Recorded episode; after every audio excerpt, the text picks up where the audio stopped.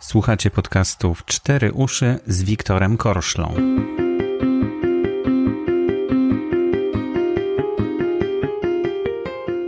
Cztery Uszy to podcast Fundacji Otwórz się. To podcast, w którym rozmawiamy o pasjach, zainteresowaniach oraz inspiracjach. Przed mikrofonem Borys Kozielski zapraszam do wysłuchania rozmowy, która może zmienić Twoje życie.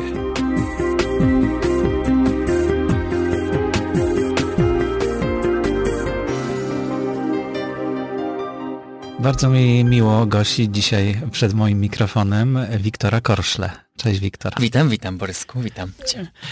E, znamy się już od dłuższego czasu, Tak. e, bo mm, pracujesz w studiu Akantus. Pracujesz. Czy to jest praca? Tak, to jest bardzo ciężka praca nad sobą samym, nad e, piosenkami, nad e, każdym materiałem, każdą piosenką. To jest naprawdę ciężka praca i myślę, że e, jeżeli kiedykolwiek powiedziałbym, że jakaś piosenka jest dla mnie prosta, to chyba czas skończyć ze śpiewaniem. Aha, czyli w ten sposób, a, ale przynosi ci też chyba dużo radości śpiewanie. Tak, oczywiście, że tak, tylko że e, fajnie jest, kiedy e, ja chyba jestem tak wychowany, że praca sprawia mi przyjemność. Poczucie bycia potrzebnym, poczucie spełniania się w czymś na 100% jest... Mhm. E, No ale opowiedz mi, bo jak próbowałem się zastanowić, co ty robiłeś w życiu, to trudno mi to wszystko zebrać e, w jakąś prostą listę, mhm. bo robiłeś tych rzeczy bardzo, bardzo dużo. Jesteś pilotem, Tak, uczysz się zielarstwa w tej chwili, tak. pięknie tańczysz, prowadzisz szkołę tańca, Nie, szkoły tańca nie, prowadzę zajęcia. zajęcia Tak, prowadzisz, no czyli szkolisz. Tak, E, szkole ludzi. Mhm. Co jeszcze robisz? Obecnie jest ciężko rzeczywiście to jakoś określić. E, piszę reklamy. E, Jestem copywriterem. Mhm. copywriterem, Bartek by się przyczepił do mojego R teraz właśnie. Copywriterem pracowałem jako specjalista, jako project manager, e, jeżeli chodzi o działania marketingowe dla, nie tylko dla firm farmaceutycznych, ale również dla firm zajmujących się głównie komunikacją digitalową, czyli komunikacją w internecie. I oprócz tego jeszcze e, interesuję się badaniami klinicznymi. To jest jakby część moich studiów, które miałem. Oprócz kampanii społecznych i prozdrowotnych też są właśnie ba- badania kliniczne, prawo farmaceutyczne, bo jestem z wykształcenia magistrem zdrowia publicznego. Jeżeli ktoś by chciał określić, dać mi jakiś taki zawód, to można powiedzieć, że jestem promotorem zdrowia, w pewnym sensie jestem też epidemiologiem, jestem osobą, która mm, wymyśla kampanie takie, które mają e, edukować społeczeństwo i mają sprawiać, że społeczeństwo będzie zdrowsze, będzie przychodziło się badać, e, bo lekarze sami w sobie, czy też pielęgniarki, e, ogólnie osoby zatrudnione w środowisku medycznym często nie mają czasu i lekarz nie musi być osobą komunikatywną. Nie musi, nie musi być osobą, która dotrze do pacjenta w sposób takiego, zmieni jego postawy zdrowotne.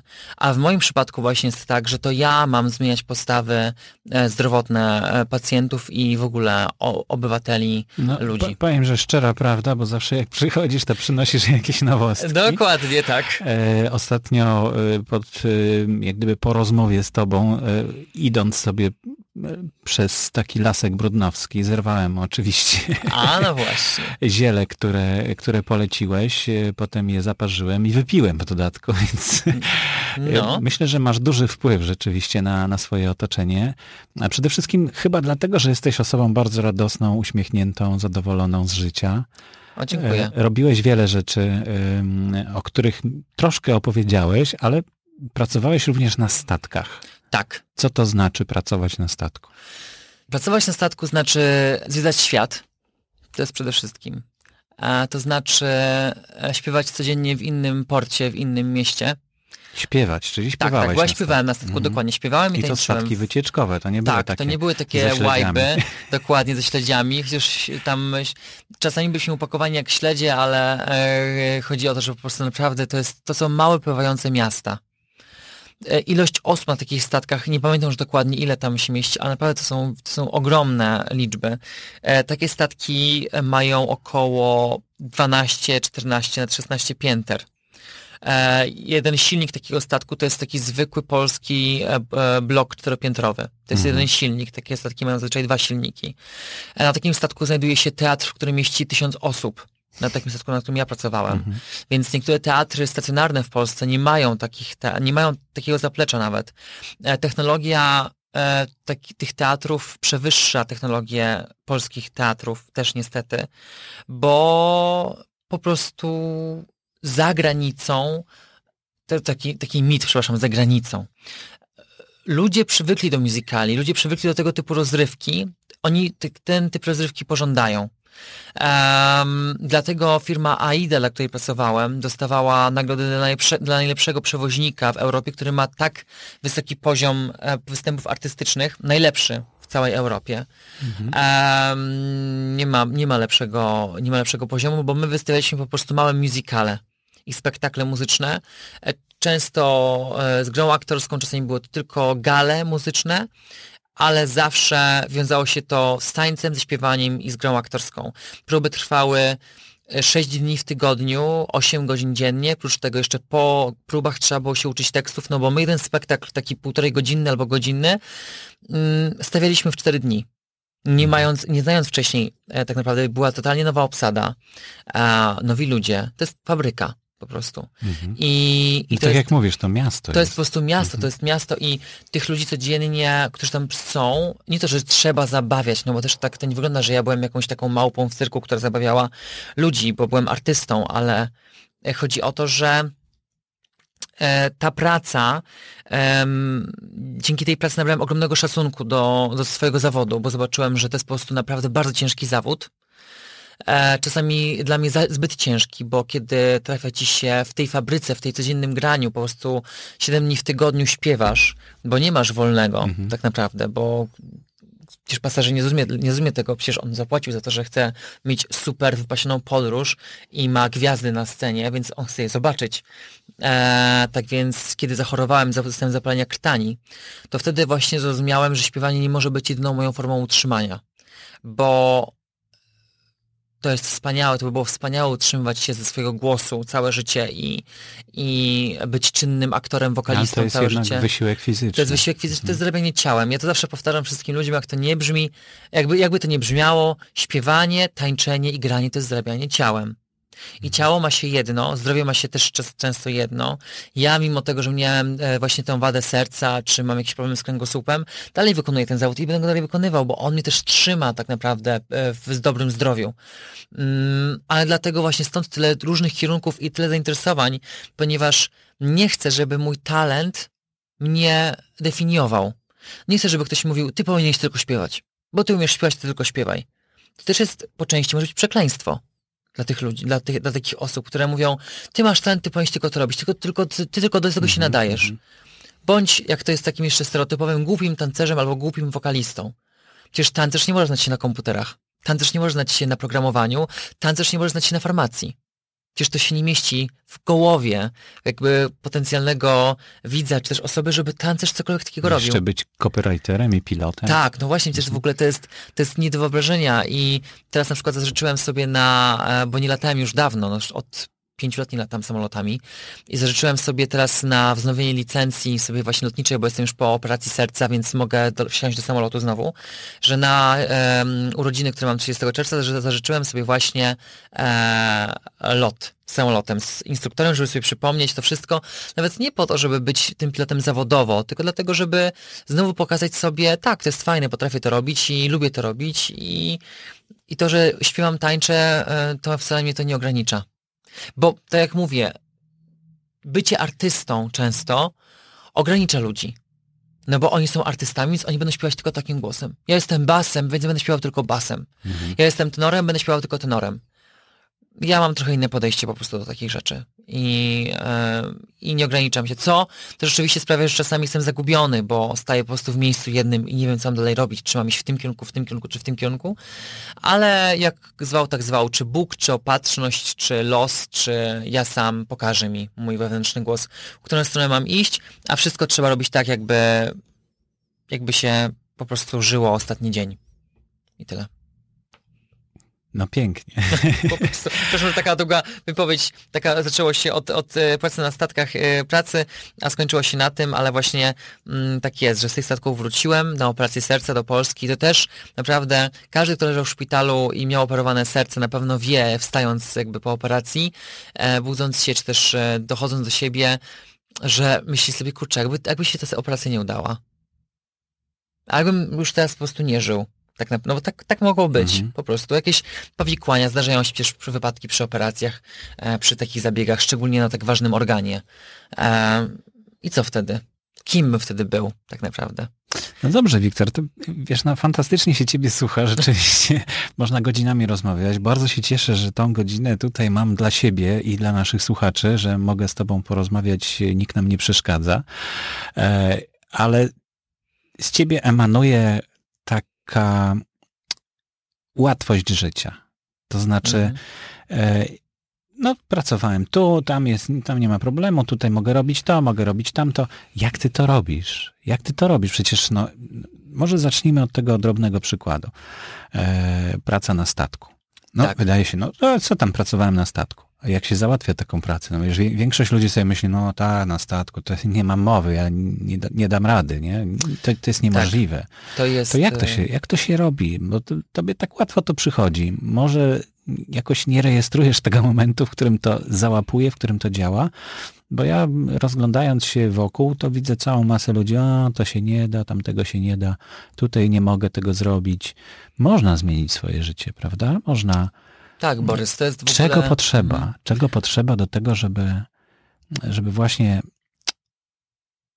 no, mieć to, z czym tobie tak łatwo się żyje? Wiesz co, Borys, szczerze mówiąc, to jest trudne pytanie o tyle, że dla mnie rzeczywiście em, ja jestem taki, taki trochę hop do przodu całe swoje życie. I to może być i moja, moja zaleta, i moja wada, że ja po prostu jestem totalnym, jak to mówię, wieśniakiem. Nie obrażając nikogo ze wsi, tylko takim stereotypowym wsiurem, który się nie przejmuje konwenansami i tym, em, że ktoś że ktoś może coś po mi powiedzieć, może mogę głupio wypaść. Zawsze było tak, że nawet jak nie znałem do końca odpowiedzi na jakieś zadane pytanie w klasie, to podnosiłem rękę, bo wydawało mi się, że wiem o co chodzi wydawało mi się, że moja odpowiedź jest dobra. I chyba o to chodzi. O taką prostą rzecz, żeby podnieść rękę w klasie. Czyli po prostu zapomnieć o tym, że, że coś, że możesz popełnić, że popełnić błąd. uda. Tak, że coś się nie uda, dokładnie. I samo to polecenie do, do Niemiec na casting, oni na mnie patrzyli jak na UFO. Po prostu, ty przyleciałeś z Polski. Przecież tam byli sami Niemcy, sami ludzie, Mhm. którzy byli, którzy grali w Mówisz musicalach. o castingu na do, statek. na statki, Mhm. tak. Przecież w Hamburgu e, kolebce też musicalu, czy kolebce, po prostu centrum musicalu e, Niemiec, gdzie był grany przez e, Tarzan przez tyle lat, e, w którym debiutowałem i latałem już na ten casting do Tarzana tam dwa razy, do, do Niemiec już tam, do Hamburga, um, gdzie po prostu Król Lew jest grany od tylu lat i wszystkie te musicale i tam przyszły te wszystkie osoby razem ze mną ten casting. To nie było jakichś ludzi słabych, ludzi, którzy nie... Nie, tam byli ludzie którzy, z Króla Lwa, którzy mówili, wiesz co, gram tego Króla Lwa już 6 lat, po prostu mi się znudziło i chcę popływać na statku. Bo tam będę śpiewał codziennie, a przy okazji będę sobie zwiedzał, będę wychodził sobie na Palma de Mallorca albo na do Cannes, opalał się, a później sobie wrócę zaśpiewać. I to jest zajebista opcja. A ty po co przyjechałeś z Polski? I tak stoisz obok kolesia, który gra w Lwie od tylu lat i to w ogóle jakiś sen w ogóle, żeby to zobaczyć twój, jeszcze nie widziałeś tego musicalu na oczy, albo stoi obok ciebie koleś, który gra w Tarzanie i po prostu e, i tak myślisz sobie, kurde, no wow, laska obok mnie, która gra w Nędznikach z Australii, inna laska, która po prostu gra w Wicked. I oni wszyscy chcą na statku śpiewać obok ciebie na jednej scenie i masz po prostu coś takiego, no super, nie ma opcji, żebym się dostał. No właśnie. Ale jak przełamujesz? e, nie przełamuję. Bo nie wycofujesz się. Nie wycofuję prawda? się, po Mhm. prostu nie wycofuję się, to jest fakt. Znam swoją wartość, jakby... Mm, niektórzy mogą powiedzieć, że to jest gwiazdorzenie, a to jest po prostu oczekiwanie normalności w pewnych, w pewnych warunkach, ale z drugiej strony, jeżeli ktoś mi mówi, naucz się tego, popracuj nad tym, to ja się tego po prostu uczę. Ja, jak się dostawałem na statki, to wyglądało tak, że miałem dwa dni castingu hardkorowego castingu. Mieszkałem w no, bardzo zatłoczonej ulicy, pamiętam, w, w, hotelu. Nie wyspałem się bardzo, byłem jeszcze tego choroba zaczęła mnie brać i w ogóle jakaś totalna masakra, zacząłem jakieś tabletki. To się nafaszerowałem po prostu jakimiś, jakimiś po prostu e, no nie psychotropami to nie, to to ciężkie słowo. Po prostu nafaszerowałem się e, lekami takimi przeciwbólowymi głównie i, i żeby zbić też gorączkę. No i e, no i co? No i po prostu przyszedłem e, chory, z temperaturą, na drugi etap castingu, na, na drugi dzień, bo miałem recall. E, nie dałem po sobie poznać, że jestem chory. Chociaż zapytaj się na sam koniec, Wiktor, coś jest z tobą nie tak? Jesteś jakiś taki czerwony, jakoś tak, masz oczy takie. A ja im powiedziałem, no jestem chory. A oni, ty tak chory śpiewasz? A ja mówię, no tak. I ty tak chory tańczysz? A ja mówię, no tak. No to dziękuję. I jeszcze do tego była taka kwestia, że ja e, podziękowałem im za to, że mogłem w ogóle przyjechać na casting, że mogłem wziąć udział, że dali mi szansę i po prostu ludzie lubią ze mną pracować, bo ja mam szacunek do nich, jako do twórców, jako do producentów, jako do osób, które mają jakąś wizję i mam w ogóle szacunek do ludzi, którzy, którzy tworzą te, ten, e, to środowisko, więc e, tak to się stało, że po, po powrocie do Polski dostałem do wyboru pięć, pięć kontraktów. Mhm. Mogłem sobie wybrać, w którym kierunku chcę płynąć i gdzie chcę płynąć. E, I wybrałem taki najkrótszy, żeby sprawdzić siebie, bo też nie wiem, jak, czy chciałbym to robić, czy nie. Wybrałem taki krótki, dwu i pół miesięczny, prawie trzymiesięczny kontrakt mm, po Morzu Śródziemnym. E, I po powrocie do Polski już nie chciałem pływać na statkach. Stwierdziłem nigdy więcej, bo właśnie wtedy zachorowałem, miałem zapalenie krtani takie bardzo, bardzo mocne, że nie mogłem śpiewać przez dwa tygodnie i powiedzieli mi właśnie, Wiktor, no przykro mi, musisz wrócić do domu, bo e, nie jesteś w stanie śpiewać, a do tego tu jesteś. I to był najcięższy moment w moim chyba życiu wokalisty. Od tego tutaj jestem, a nie mogę tego robić, bo e, mój głos, moje ciało na to nie pozwala. Więc jestem bezwartościowy. Jestem do niczego. Wszyscy wychodzą na scenę, robią swoją pracę, a ja nie mogę wykonywać, tak?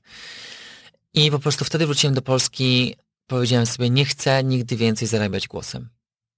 I to było takie bardzo mocne postanowienie, e, ale tu nie, nie chodzi o zarabianie, bo to pieniądze nie jest najważniejsze, tylko chodzi o taką, takie uczucie bezsilności, że tak naprawdę nie masz panowania nad tym głosem, bo to są tylko dwie, dwa fałdy po prostu mięśniowe, które tam pracują, jeżeli są chore, no oczywiście tam w koło jeszcze krtani, budowa krtani, wiadomo jak to jest zbudowane wszystko i po prostu wszystko to może się, to jest tak delikatny instrument, który może się popsuć. I opieranie całego swojego życia i przede wszystkim słuchanie wszystkich komplementów od ludzi, jaki masz piękny głos, jaki w ogóle ty i twój głos, po prostu twój głos, twój głos i ciągle się powtarza w koło, co środowisko ci mówi twój głos, twój głos, twój głos, który nagle tracisz. I kim jesteś dla tych ludzi teraz? Hmm. Ty i trzy kropki. Czyli to troszkę przewartościowało twoje życie? Tak, to pokazało mi po prostu, że ja i mój głos, ja i mój talent to nie wszystko, co mam do zaoferowania sobie i światu. Po prostu. I każdy ma do zaoferowania o wiele więcej. A, I tak, i dlatego po prostu jestem może trochę zagubiony w tym wszystkim, bo ciągle e, chodzę, chciałbym śpiewać i to mi daje radość i robię to. Może chciałbym zająć się tym bardziej tak profesjonalnie, pójść na uniwersytet, na przykład śpiewać kontratenorem, co mi się marzy, albo śpiewać właśnie klasycznie. Mm, ale nie wiem, czy teraz chcę, więc to jest, to jest, jestem na takim zakręcie trochę swojego życia, bo, bo nie wiem, co chcę teraz robić w życiu. Naprawdę nie jestem w stanie tego powiedzieć. Chciałbym na pewno wykonywać pracę, która da mi wolność, bo wolność jest dla mnie taką najwyższą wartością chyba. Taka zdrowa wolność, oczywiście nie taka, nie taki nihilizm po prostu i zero, od, zero po prostu jakichś punktów odniesienia. No ale e, śpiewanie było czymś takim, bo dzięki temu zobaczyłem świat, zwiedzałem go, później wyjechałem na kolejny kontrakt, później na kolejny kontrakt, aż wróciłem na operację serca. No bo jest, byłem takim hardcorem i cyborgiem, że mimo tego, że źle biło mi serce, to śpiewałem cały czas i e, po prostu stwierdziłem, okej, okay, no bije mi źle serce, no będę śpiewał dalej, no co, co tam z tym sercem. Aż lekarze powiedzieli, ej stary, ogarnij się, możesz umrzeć. I hmm. wtedy wróciłem do Polski na operację. I przeleżałeś w szpitalu troszkę? Przeżyłem w szpitalu tak troszeczkę, to było, tylko to było parę dni, później wróciłem do domu, leżałem w domu miesiąc po tej ablacji, bo to był taki zabieg właśnie ablacja. E, miałem właśnie e, często skurcz nadkomorowy e, WPW. Mm, i, I po prostu No miałeś dużo czasu tak, na miałem dużo czasu na przemyślenia. I, ale w tym czasie też nie próżnowałem, bo dzięki temu, że miałem dużo czasu na przemyślenia, to i śpiewałem właśnie za Kantusem, zrobiłem super projekt ABBA symfonicznie, wspaniała rzecz. E, śpiewałem dalej w Akantusie, e, mm, może nie tak czynnie na żywo, ale śpiewałem w studio i udzielałem się naszym takim życiu przyjacielskim, akantusowym. Oprócz tego właśnie pisałem reklamy, e, oprócz tego jeszcze byłem na stażu w firmie farmaceutycznej, dokształcałem się po prostu się dokształcałem. Stwierdziłem, że to jest czas, w którym mogę się dokształcić, w którym mogę się uspokoić troszkę bardziej i, i tak to wyglądało właśnie. To jak to się stało, że ty trafiłeś na studia farmaceutyczne? Dobrze? Nie, nie, nie. Ja jestem, na, ja jestem po zdrowiu publicznym. No właśnie. Dostałem czyli... się na trzy kierunki studiów. No dobrze, ale, ale to wracamy ten... jeszcze w przyszłość. Tak. Jak gdyby cofamy się, tak? Bo ja uwielbiam biologię i chemię. Ja zdawałem biologię i chemię na maturze. Zdałem je dosyć dobrze. Na, jeszcze na tamten czas, e, przepraszam wszystkich maturzystów obecnych, ale uważam, że przepraszam, może będzie hejt na mnie, ale poziom obecnej matury z biologii, zeszłorocznej, jest po prostu tragiczny.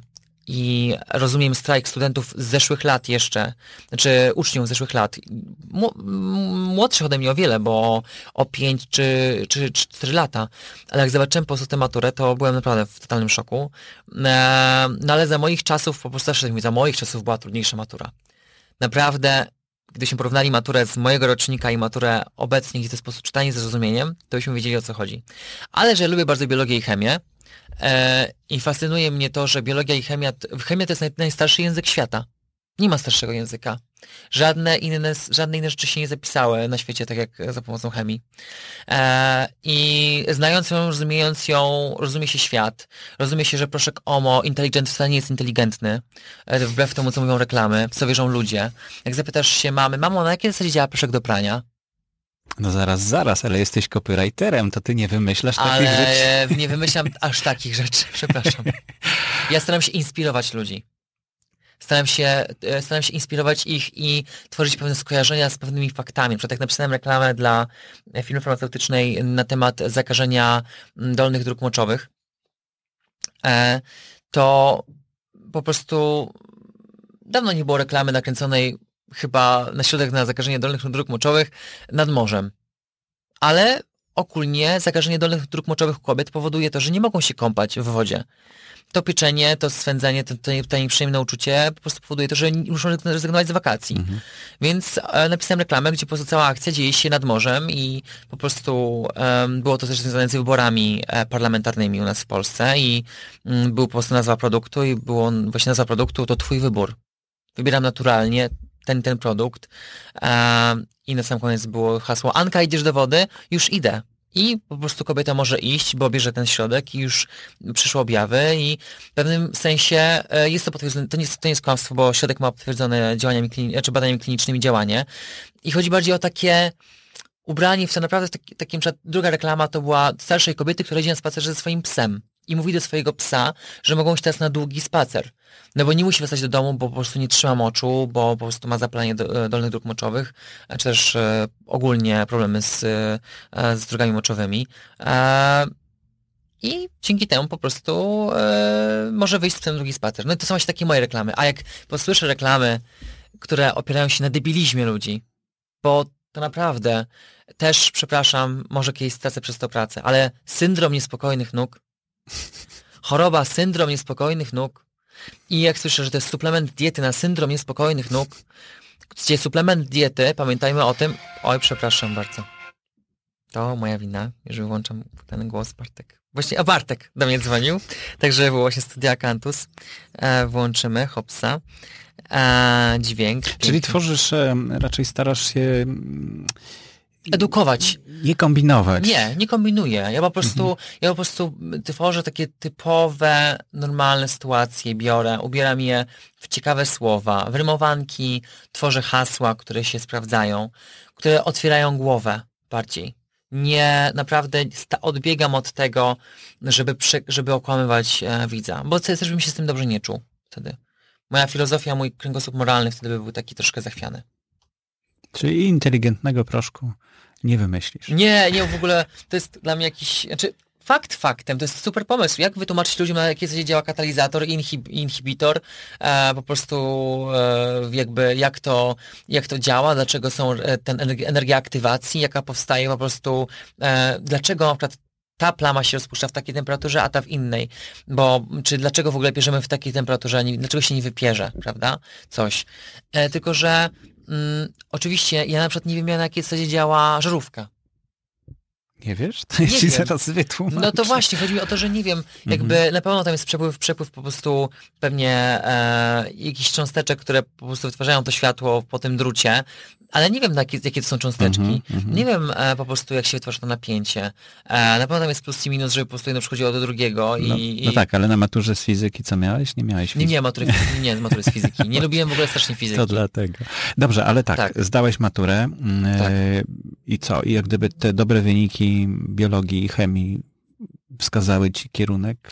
No nie, niestety dałem się po prostu podpuścić pod modę tak naprawdę, bo dostałem się na fizjoterapię i na ratownictwo medyczne mm, i na zdrowie publiczne i po prostu właśnie dla takiej rozmowy, jaka teraz jest między nami, pani powiedziała mi, czy też pan powiedział mi, że ja muszę pójść na zdrowie publiczne, bo jestem taki wygadany i taki po prostu obrotny, że to jest kierunek dla mnie, bo tam się tworzy kadrę menadżerską. Ja muszę być po prostu menadżerem e, w szpitalu, bo ten kierunek miał, miał przede wszystkim tworzyć kadrę zarządzającą w szpitalu, kadrę taką dyrektorską, no bo ktoś rzeczywiście, jakie węflony zamówić, ile tych węflonów, jakie kroplówki i tak dalej, i tak dalej, to naprawdę e, powinny być osoby, które mają pojęcie i o ekonomii, którą miałem na studiach, i o tym, ile warte jest ludzkie zdrowie.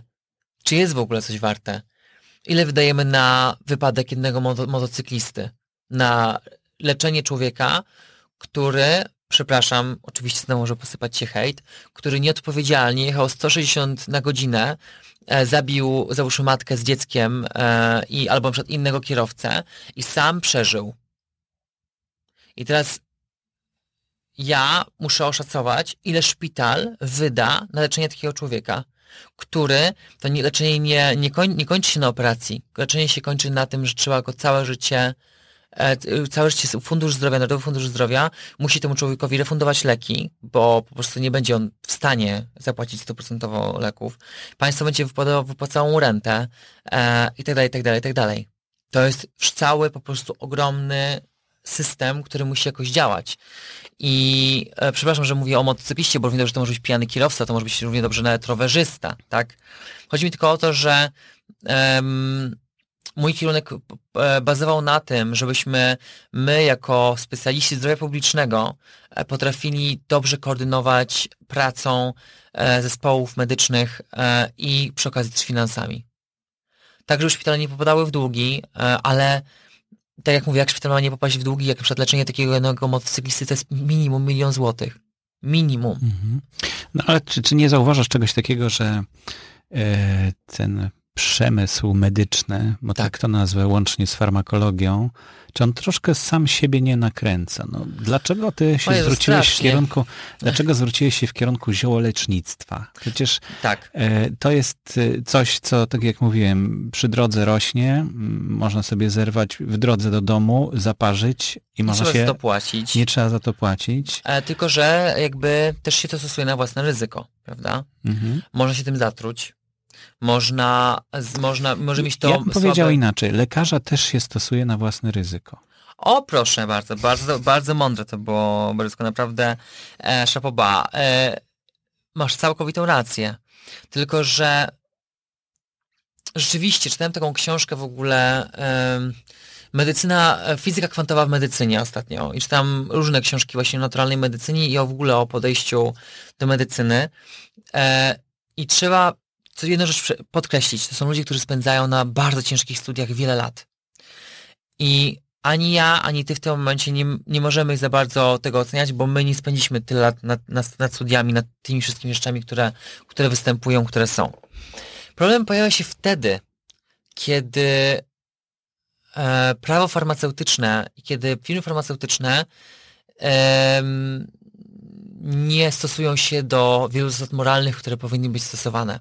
Dlatego powstały takie organizacje jak Infarma, załóżmy, które kontrolują firmy farmaceutyczne i zaczynają je kontrolować. Jest bardzo dużo e, sytuacji, gdzie mamy do czynienia z przekupstwem z e, przekupywaniem lekarzy również za pomocą wycieczek na przykład, za No to, pomocą to, przetargów. tak, to znamy te I historie, tak, ale wiadomo, dokładnie. że tutaj są pieniądze, bo jeśli wyprodukujemy coś sztucznie, czyli z, nie wiem, z trochę gipsu, trochę tam czegoś innego, prawda, Aha. dorzucimy, zrobimy tabletkę i możemy to sprzedawać, no to jest to produkt, który możemy produkować. Natomiast w Tak. przypadku y, na przykład promocji karmienia piersią, które Mhm. jest najbardziej naturalną metodą y, żywienia młodego, małego człowieka, Tak, oczywiście. żadna mieszanka nie jest w stanie tego zastąpić, yy, no to tutaj jest duża rozbieżność, bo nie, nie za bardzo jest jak reklamować, za co reklamować e, Mhm. tej naturalnej metody karmienia piersią. Natomiast cały przemysł ustawiony na tworzenie masz, y, tych mieszanek, Mhm. no właśnie powoduje to, że ma pieniądze na to, żeby reklamować Oczywiście. coś, co jest nienaturalnego Tak. i coś, co jest wręcz szkodliwego. Tylko wiesz co, właśnie to, to, to, bałbym się powiedzieć, że jest szkodliwe, no bo po prostu oczywiście, że wiadomo, że mleko matki jest o wiele lepszym rozwiązaniem dla dziecka, e, tylko że e, czasami po prostu e, e, dziecko ma różne, jakąś chorobę i musi być e, karmione w e, inny sposób. Jeżeli No, no widzisz, y, dałeś się złapać tym właśnie Czy nie, nie, nie, nie, wiesz co, chodzi mi tylko o to, jeżeli my mamy taką sytuację, że dziecko nie jest w stanie po prostu spożywać pokarmu od matki, bo może być taka sytuacja, nie znam tych chorób. Nie tych... ma takich sytuacji, ale dobrze, skończmy ten Dobra, temat. dobrze. Pokarm matki zawsze będzie najlepszy dla, dla tego dziecka, bo on po prostu jest wytworzony przez matkę z, jak gdyby z jej ciała, czyli z ciała tego dziecka, jest, jest dopasowane. Tam są wszystkie, ale dobrze. Oczywiście nie, masz, ja się zgadzam z Yy, tobą, tak, jeżeli chodzi o w ogóle o, o ilość przeciwciał i w ogóle to wszystko, jak matka daje po prostu dziecku witaminy w ogóle, których dziecko nie wytwarza i nie będzie wytwarzać Mhm. samo i możemy oczywiście produkować syntetyki, tylko ja się zastanawiam nad tym, jeżeli na przykład matka nie ma pokarmu. Nie ma takich. Ale Dobra, zejdźmy z jasne, tego tematu. oczywiście. Dobrze, dobrze. Zejdźmy z tego Ja się tematu. nie czuję e, mocny po prostu, jeżeli chodzi o karmienie piersią, więc, więc nie, nie, nie, tak, nie mam dzieci, no, więc, a ja- ty masz, masz, e, masz trójkę, więc na Mamy pewno trójkę, tak. No, przechodziliśmy swoje Tak. y, z lekarzami również. rzeczy. E, Ale wróćmy do, do, do kolejnej twojej pasji, czyli do e, latania. Tak. Skąd to się wzięło? Gdzie to, w którym momencie, bo tak jakoś trudno mi to umiejscowić. Czy po studiach, czy przed E, studiami? Przed studiami. Wróciłem z, wróciłem z Wiednia. Wtedy byłem w Wiedniu z moją przyjaciółką. Wróciłem z Wiednia i mój tata odebrał- odebrał mnie. Nie, przepraszam, to nie było przed studiami. To było w drugiej klasie liceum. E, I mój tata odebrał mnie właśnie z lotniska i powiedział, Wiktor, nie chcesz być pilotem? A ja powiedziałem mu, wiesz co, nie wiem, mogę spróbować. I mój tata jest pilotem. Ja się w ogóle wychowałem w samolocie. Ja bardzo dużo spędzałem czasu na lotniskach i w samolotach. Eee... I co? I poszedłem do szkoły takiej weekendowej, lotniczej, gdzie uczyłem się tylko teorii. Następnie wyjechałem mm, do Bielska Białej, gdzie się szkoliłem w aeroklubie. Aeroklubie Bielsko-Bialskim. Eee... I później, e, po zdaniu już egzaminów e, w Urzędzie Lotnictwa Cywilnego, poleciałem do Stanów. Tam się szkolić w New Bern w North Carolina. Eee, I po tym, jak już tam wyszkoliłem, wylatałem tam ponad 100 godzin, miałem tą swoją licencję, eee, to przestałem latać. Jakoś tak to się rozmyło. Nie wiem nawet czemu to się rozmyło. Bo gdybym to kontynuował, to naprawdę y, to by było fajne, a to właśnie jak chodziłem na takie zajęcia z samodoskonalenia się jakby w e, ośrodku e, w Lambdzie w Warszawie, takim ośrodku LGBT, to tam właśnie jeden z prowadzących powiedział mi, że jak coś się tak nagle przerywa w naszym życiu, to to naprawdę nie było motywowane naszą wewnętrzną siłą i tym, co naprawdę chcieliśmy robić. I wydaje mi się, że ja nie byłem do końca gotowy na to latanie. To latanie to było dla mnie taka rozrywka, a bardzo duże koszty za tym szły i duże jakby poświęcenie za tym szło i nie, nie można tak sobie po prostu latać albo nie latać. Jeżeli jest się milionerem, ma się swój samolot, to oczywiście, że tak. Ale jak się takim przeciętnym Polaczkiem i który się uczy i który ma jakieś, tam jeszcze mam trójkę rodzeństwa, których też trzeba przecież im pomóc, rodzice musieli im pomóc, te pensje przecież nie, te pensje przecież nie, nie zbiorą znikąd, mm, to nagle ja przestałem latać, bo nie wiedziałem, czy chcę inwestować dalej to, w to pieniądze. Z drugiej strony studiowałem, e, moim marzeniem było śpiewanie i tańczenie, więc śpiewałem i tańczyłem. Wleciałem później, e, następnego roku bardziej poleciałem w kierunku znowu tańca, poleciałem do, do Los Angeles, do Debbie Reynolds, tam tańczyłem sobie na miesiąc. E, tańczyłem z gwiazdami disco polo w Polsce, e, po to po prostu w wakacje jeździłem też po, nad morzem na wybory bursztynowej Miss, e, żeby, żeby po prostu zarobić sobie na wyjazd do Los Angeles i tam na życie, bo trzeba było tam wynająć mieszkanie i spałem ze znajomymi e, w cztery osoby w jednym łóżku, bo nie stać mi było na wynajęcie w LA po prostu jakiegoś apartamentowca, więc mieszkaliśmy w meksykańskiej dzielnicy, gdzie codziennie napierdzielał reggaeton rano i budził nas reggaeton i jakieś po prostu piosenki, mm, gdzie czułem się jak odludek, bo jako jedyny chodziłem na piechotę do szkoły tańca, bo tam wszyscy jeździli samochodami albo po prostu taką silną komunikacją po prostu chodziłem na piechotę. Um, I tak, i po prostu to latanie, ta, ta pasja do latania, która jest nadal, no to jest wspaniała rzecz, trochę się rozmyła, ale nic straconego, mogę do tego wrócić i mam ochotę właśnie teraz na wakacje, czy na, na, na prezent sobie sprawić taką, takie, taką rzecz. Właśnie, mhm. takie latanie. Z Bemowa? Tak. Tak, tylko że właśnie tutaj właśnie ten wybór e, Bielska e, był motywowany ceną bo wtedy cena, tak samo wybór e, szkolenia się dalej w Stanach też był motywowany ceną. No bo jeżeli um, dolar był bardzo wtedy tani, bardzo tani, kosztował chyba 2 złote i ropa też była bardzo tania, to naprawdę to był najlepszy okres, żeby się szkolić tam samolot, na samolotach. Latać. No dobrze, to w którym miejscu swojego życia myślisz, że teraz jesteś? O, jestem teraz na... Mój przyjaciel powiedział mi ostatnio, że boi się wyspecjalizować bo nie mogę wtedy wyjść, nie jestem wtedy w takiej swojej, swoim własnym stereotypie, swoim takim, takim poziomie takiej e, e, sfery, takiej komfortu, że znam się na wszystkim. Że mi, ja tam się przyjmuję tym, bo mam to, a nie przyjmuję się tym, bo mam tamto, a nie przyjmuję się tamtym, bo mam jeszcze sio. I dzięki temu mam milion wyjść, gdzie zawsze mogę uciec. I to jest pewnego rodzaju ucieczka w każdą inną rzecz. I fajnie jest teraz zryzykować ten rok, te dwa, pójść w coś w 100%, Zaangażować się. Tak, zaangażować się naprawdę na, na 100%. Resztę rzeczy po prostu odstawić, powiedzieć, to nie ucieknie. To poczeka. Jak będzie trzeba, to się do tego wróci. Ale nie w ten sposób, że okej, okay, okej, okay, niewygodnie mi jest w tym, to spierdzielam i idę w coś innego. Tylko rozwój to wyjście ze strefy komfortu. I po prostu e, ja teraz e, muszę z tej strefy wyjść, też ta strefa komfortu, takie lubione to słowo coach, coachów po prostu, -hmm. strefa komfortu. Ale chodzi o to, że mm, teraz rekrutuję się w sumie do sześciu różnych firm, bo szukam obecnie pracy. Odszedłem z Onetu, z takiego portalu, dla którego pracowałem, noise.pl e, i zresztą bardzo fajny portal, portal polecam, taki śmieszny, e, milenialsowy, pokolenie Y. E, i, idę w kierunku bardziej teraz znowu farmacji, digitalu. Mm, chcę zobaczyć, czy to mi się uda. Mam w tym tygodniu jeszcze rozmowę do działu komunikacji, bo jak widzisz, jestem komunikatywną osobą i to jest też ciekawa rzecz. I tak, tak po prostu szukam swojej drogi. Ale w wieku 18-latka za mi wybrać swoją drogę, co uważam, że jest totalną głupotą naszego świata, żeby wybierać w wieku 18 lat swoją drogę.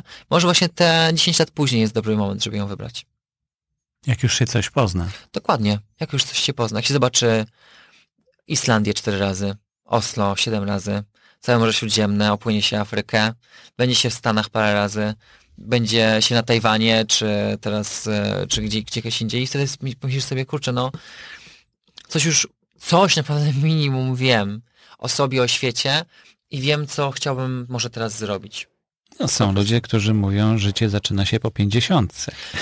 Dokładnie tak, dokładnie tak. No, w środowisku gejowskim, e, w, tym, którym ja się, że tak powiem, nie poruszam cały czas, tylko jest taki śmieszny, bo nas jest ogromny kult e, po prostu młodości.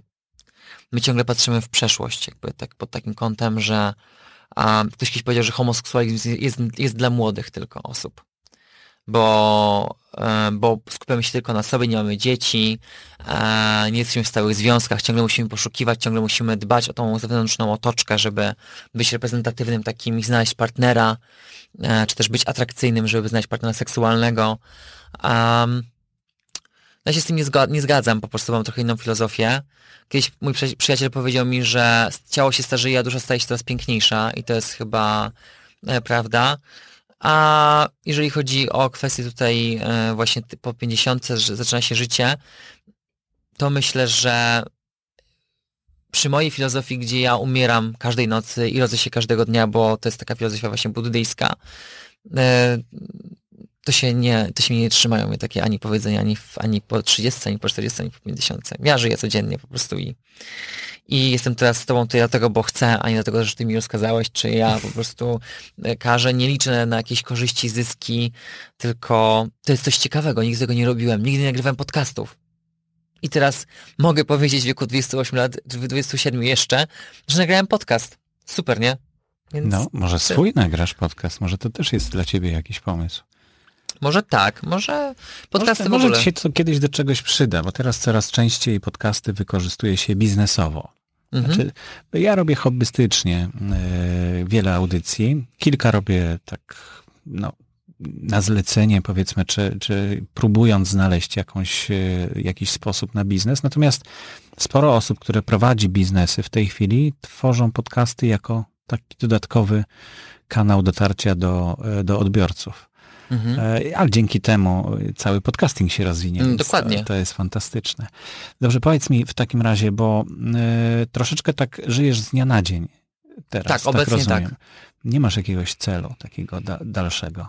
E, mam cel i chodzi mi, e, chodzi mi głównie o to, żeby dalej rozwijać swój wokal, bo dalej go rozwijam, chodzę cały, cały czas na lekcje śpiewu. Bo te problemy to chyba można jakoś tak, sobie z nimi poradzić, trzeba prawda? skanalizować moją energię w jednym kierunku obecnie. Trzeba umieć y, korzystać z tego narzędzia chyba. Tak, tak, po prostu mhm. chodzi tylko o to, że ja teraz... I zadbać o nie. No, tak jak na przykład śrubokręt może nie wymaga oliwienia, ale już y, coś znaczy, bardziej Znaczy, tu właśnie chodziło o to, że jakby z, ja nie miałem nigdy problemów z wokalem, dlatego bo źle śpiewałem.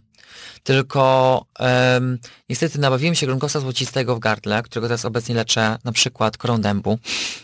E, który mi tam trochę szwankuje i lekarze mówią mi, że wyciął migdałki, ja ich nie chcę wycinać i to jest takie po prostu te przewlekłe, mam przewlekłe zapalenie gardła i coś tak e, miemli, miemli, miemli.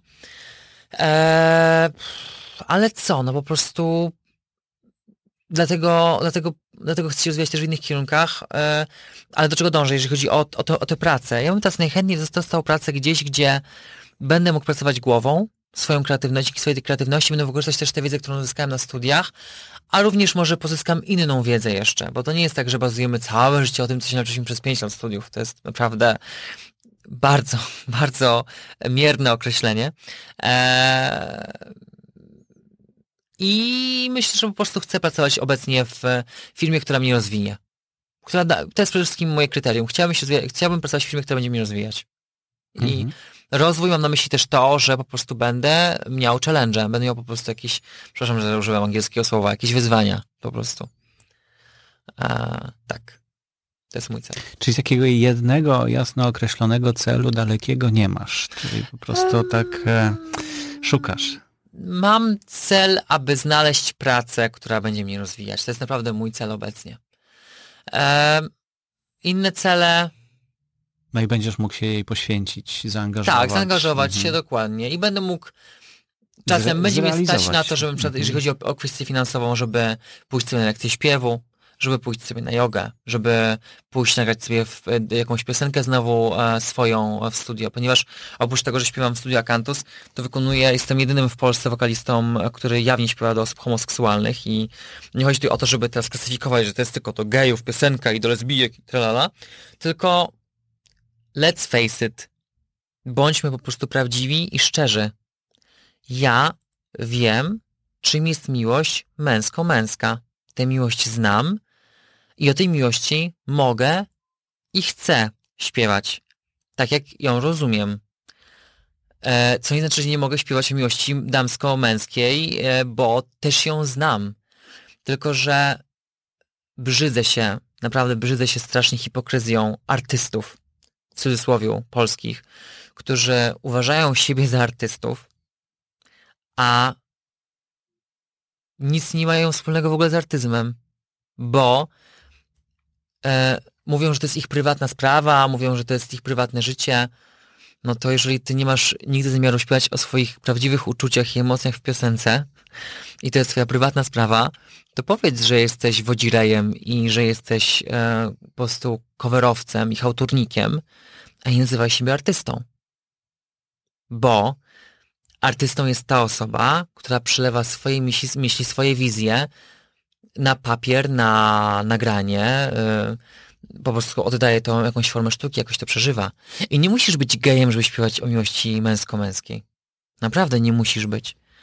Ale możesz mieć na tyle otwartą głowę, czy damsko-damskiej, że to zrobisz i nie będziesz się bał tego, że środowisko cię zhejtuje, czy, czy ktoś kupi twoją płytę, czy nie. Dlatego ja chcę pracować w korporacji, też pracować jak swoją, swoją głową w jakiejś firmie, żeby móc być prawdziwym artystą. Bo wtedy nie będę zależał od nikogo. I nie będę czekał na to, czy mój, czy mój sponsor, czy, czy mój po prostu wydawca, e, Sony, czy nie wiem, czy Universal powie mi, nie, możesz śpiewać do faceta, to, jest, to się nie sprzeda. I właśnie, to nie musi sprzedawać. Mhm. I tyle. No to ciężkie życie, że tak powiem. Ciężkie życie, ale chyba e, chyba mm, takie dobre. Bo to, z czym musisz się borykać na co dzień, no to chyba nie są takie zwykłe sprawy, tylko to są takie na własne życzenie troszkę. Tak, oczywiście mógłbym, e, mógłbym po prostu ukrywać się i mówić, Boże, nie, nie, nie, trzymajmy się za ręce, albo po prostu nie róbmy tego, albo siamtego, owego, czy spekulacje, demontować jakiś ten.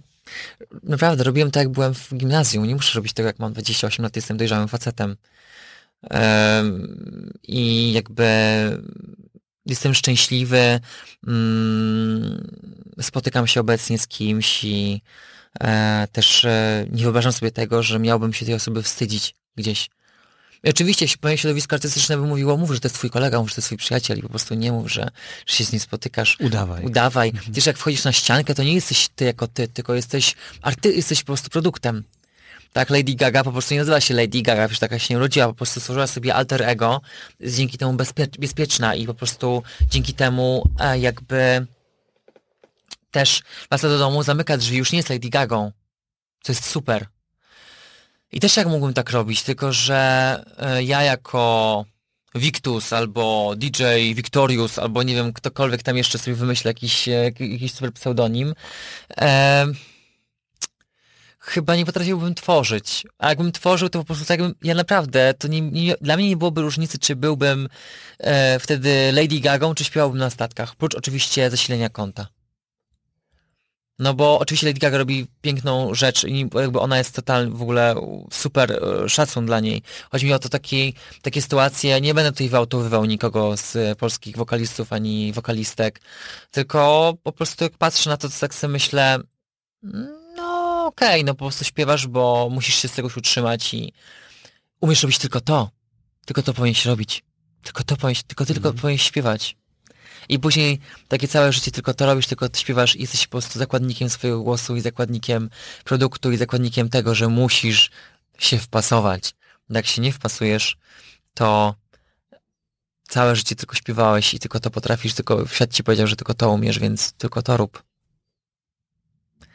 No to powiedz mi jeszcze jedną rzecz, bo jesteś osobą bardzo otwartą, serce na dłoni, można powiedzieć. Mhm. E, czy można powiedzieć, że Płacisz za to jakąś cenę? O jest ogromną. Ogromną. Jestem strasznie, mam sobie dużo gniewu. Ten gniew jest taki a, czasami nie do opanowania, że po prostu zastanawiam się, matko, serio, i tak patrzę na to. I właśnie to często widać na moich postach na Facebooku, niestety, bo jestem uzależniony od, internetu i to jest naprawdę przykre, e, to co teraz mówię, ale taka jest prawda, że jestem uzależniony od bycia obecnym E, bycie, e, pod, jakby taka moja potrzeba naturalna bycia potrzebnym i bycie jakby w, z ludźmi e, została, zostaje tak po prostu wykorzystywana przez marketingowców, przez twórców właśnie i jakby tych portali społecznościowych, internetu i wydaje mi się, że jak coś napiszę na Facebooku, to wtedy ma to znaczenie. Bo myśl, która jest tylko w głowie, nie ma znaczenia. Trzeba ją przecież, trzeba ją zakomunikować ludziom i trzeba mieć też na nich wpływ i trzeba ich zmieniać i najpierw się zmieniać na Facebooku, bo tam wszyscy są. E, więc jest taka iluzja, którą wpadłem sobie.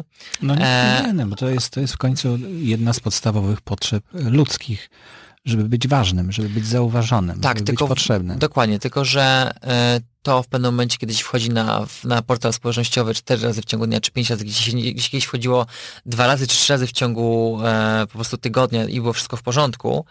E, tak teraz jest e, trochę po prostu słabe i też się staram e, nad tym pracować, obecnie nad tym pracuję też. E, ale jeżeli chodzi o, o to, jaką cenę płacę, no płacę ogromną cenę, no bo e, tak naprawdę środowisko homoseksualne jest też bardzo e, niewdzięczne. Mm, kiedy wydałem pierwszą piosenkę, e, też, że wydałem, w ogóle to jest wielkie słowo, przepraszam za to słowo, że wydałem piosenkę, e, zaśpiewałem cover piosenki z własnym tłumaczeniem e, When You Say You Love Me Josha Grobana, kiedy mówisz kocham. I to był pierwszy taki oficjalnie polski cover, gdzie śpiewałem do faceta. Spotkałem się z bardzo różnymi opiniami i w ogóle ludzie, e, faceci z brodami, którzy czują się tacy super męscy, bo oni są gejami, ale tylko gejami, bo lubią, przepraszam, naprawdę, bo tego mogą słuchać różne osoby, bo oni lubią tylko ruchać bo oni są tacy męscy, mają brody, mają super, siedzą sobie na placu Zbawiciela w weekendy i są tacy wy, w ogóle wyautowani, lubią taką tylko, taką muzykę bardzo taką um, spoza środowiska, są tacy męscy i w ogóle uwielbiają chełbić się w tym, że są takimi męskimi gejami, co mnie w ogóle mega śmieszy, bo e, po prostu taka autohomofobia, która się pojawia w środowisku homoseksualnym jest, jest zatrważająca. E, nie ma w środowisku, które walczy o, o to, żeby być szanowane, nie ma miejsca na inność, nie ma miejsca na bycie sobą, co jest totalną masakrą. E, I to jest ogromna, najgorsze chyba jest właśnie to, że tworząc muzykę, taką jaką tworzę, spotykam się z takim, z, tak, z taką nienawiścią. Po prostu to jest czysta nienawiść i takie, takie komentowanie, e, obrzucanie czy kogoś błotem i, sz, i szydzenie z kogoś ale z drugiej strony, idąc moim buddy, moją buddyjską filozofią, czy ja dla nich, czy ja to dla nich robię? Czy którakolwiek z tych osób, która mnie tak obraża i która mówi na mnie takie złe rzeczy, przyszłaby na mój pogrzeb? Czy interesowałoby ją to, czy jakbym był chory? Czy zapłaciłaby za mnie podatki? Czy, czy przyszłaby do mnie, kiedy byłoby mi smutno? I czy ja mam się takimi osobami przejmować? Czy bardziej mam się przyjąć tym, przykład kto mi powie, kto mi mówi, Wiktor, wiesz co, nie podoba mi się to zdjęcie, bo na nim wyglądasz zbyt y, nago, na przykład ostatnio była taka właśnie sytuacja, że wstawiłem zdjęcie na Face'a i po prostu wszyscy zrobili u, wielkie, bo wrzuciłem zdjęcie z, w majtkach. E, I tych osób rzeczywiście myślę sobie, kurczę, może to jest za mocne zdjęcie, może rzeczywiście e, to nie jest to. I to zdjęcie zniknęło z mojej tablicy i nawet nie dlatego, że ja się źle czułem, tylko stwierdziłem, a może warto ich posłuchać, a co mi szkodzi? Jak rzucę to zdjęcie. Czy naprawdę jestem tego przywiązany? Tak samo było z muzyką. Gdybym nagrał coś, co jest po prostu według moich z wielu po prostu dobrych znajomych, ludzi, którzy mi są do, mi jakby e, przychylni, którzy, których szanuję, których zdanie i powiedzieli mi, słuchaj, to jest słabe, nie rób tego teraz. Wrzuć to przed w innym czasie. Przemyśl to jeszcze. To są prawdziwi przyjaciele. Jest to konstruktywna opinia, e, słowo. A jeżeli spotykam się po prostu właśnie z agresją, z z e, nieprzychylnym słowem od osób, które powinny mnie wspierać tak naprawdę. To jest e, przykre i to jest naprawdę duża cena, którą muszę płacić za to, że, e, za to kim jestem. I ciosy przychodzą z najmniej, po prostu z najmniej, z najmniej oczekiwanych stron. Hmm. Gdzie na, też oczywiście dostałem, dostaję ogromne wsparcie od osób homoseksualnych i osób e, życzliwych osobom homoseksualnym, bo to jest w ogóle śmieszne, że moi fani wiedzą albo nie wiedzą o tym, że jestem gejem, a, a i tak mnie za to mega szanują i ktoś może powiedzieć, ale dziewczynki 13-letnie będą słuchały twojej muzyki. Ja mówię, zdziwiłbyś się, bo te 13-letnie dziewczynki mają ogromne serca i tak naprawdę one rozumieją lepiej czasem miłość od osób starszych, które są bardzo wyrachowane i patrzą tylko na to, czy ktoś skończył studia, czy ktoś ma fajne mieszkanie, czy ktoś ma fajny samochód i tak dalej, dalej one naprawdę bardziej wierzą w taką prawdziwą miłość. Jeżeli ja śpiewam o prawdziwej miłości, to one również będą w nią wierzyć. I błędem jest naprawdę to, że sam, sam Smith, czy, czy George Michael, czy e, jest wielu teraz Years and Years, po prostu młodzi wokaliści z zagranicy, którzy mają ogromne kariery. I oni nie mają fanek? Błagam. Tylko, że niestety mamy, tak jak powiedziałem, nie podnoś ręki, jak nie wiesz do końca, nie jesteś pewien do końca czy twoje zdanie jest dobre i jak umiesz śpiewać, to tylko śpiewaj, bo tylko to potrafisz. I to właśnie są takie po prostu klapki na oczach. Jak jesteś gejem, żadna dziewczynka nie kupi twojej płyty. Nieprawda, bo dostaję wiadomość codziennie od moich fanek i fanów, których bardzo serdecznie pozdrawiam i dziękuję za to, że słuchają te, tego podcastu z Tobą, Borysku i że będą może słuchali ich więcej, bo tak jak widzą, można spotkać tej wartościowe rozmowy, tak mi się wydaje, i, i wartościowych ludzi. A, a tym wszystkim, którzy mówią, no dobrze, ale nie zarobisz na tym. A mówię, no dobrze, no ale czy naprawdę potrzebuję mieć aż tak dużo, żeby być szczęśliwym? Ostatnio fajne zdanie przeczytałem w książce, którą też e, czytam teraz e, mm, Uwolnij się e, z sieci po prostu do życia, e, że biedakiem jest tylko ten, który pragnie więcej. I tyle. Ja nie muszę mieć więcej pieniędzy, żeby śpiewać. Serio. Fajnie, dziękuję Ci bardzo, Wiktor, za poświęcony czas, za Twoje przemyślenia, za to, że jesteś taką otwartą osobą, e, za to, że możesz dawać przykład innym, tak mi się wydaje. O, dzięki. Życzę Ci wysokich lotów tego 30 czerwca. O, dziękuję bardzo. A czy 30 czerwca nie siadam do samolotu, ale jadę do Krakowa. Jeżeli ktoś się domyśli dlaczego, to niech się domyśli. Czy jadę akurat do Krakowa 30 czerwca. E, no i, i, i odnalezienia tej miłości. A, no dziękuję bardzo. E, szukam jej e, na zewnątrz i szukam jej w sobie. Bo żeby kochać innych, trzeba kochać samego siebie.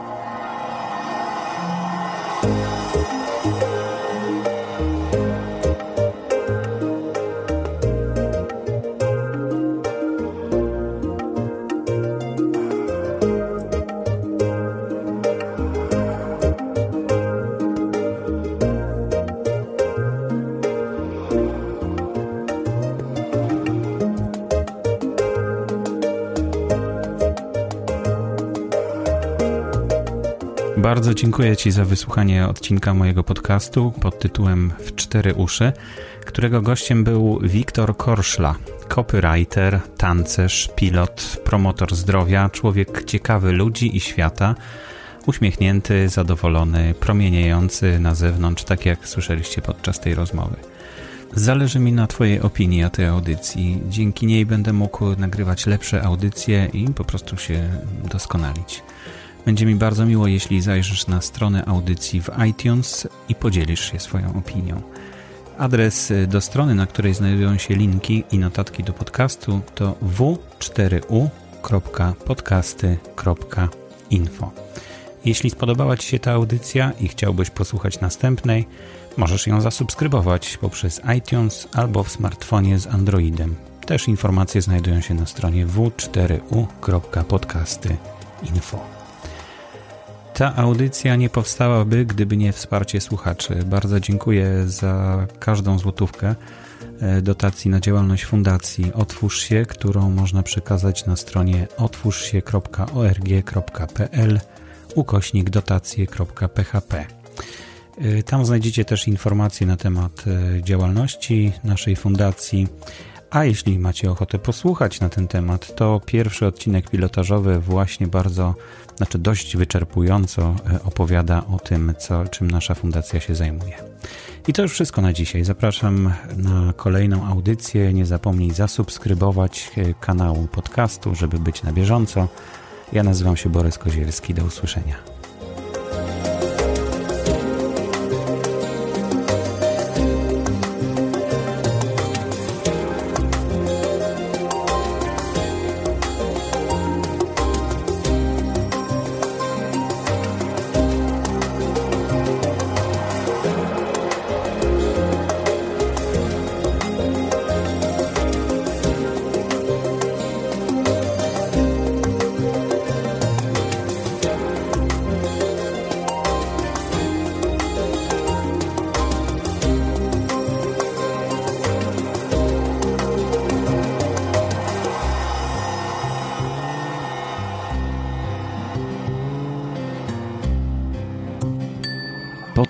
Wspierany jest przez Fundację Otwórz się.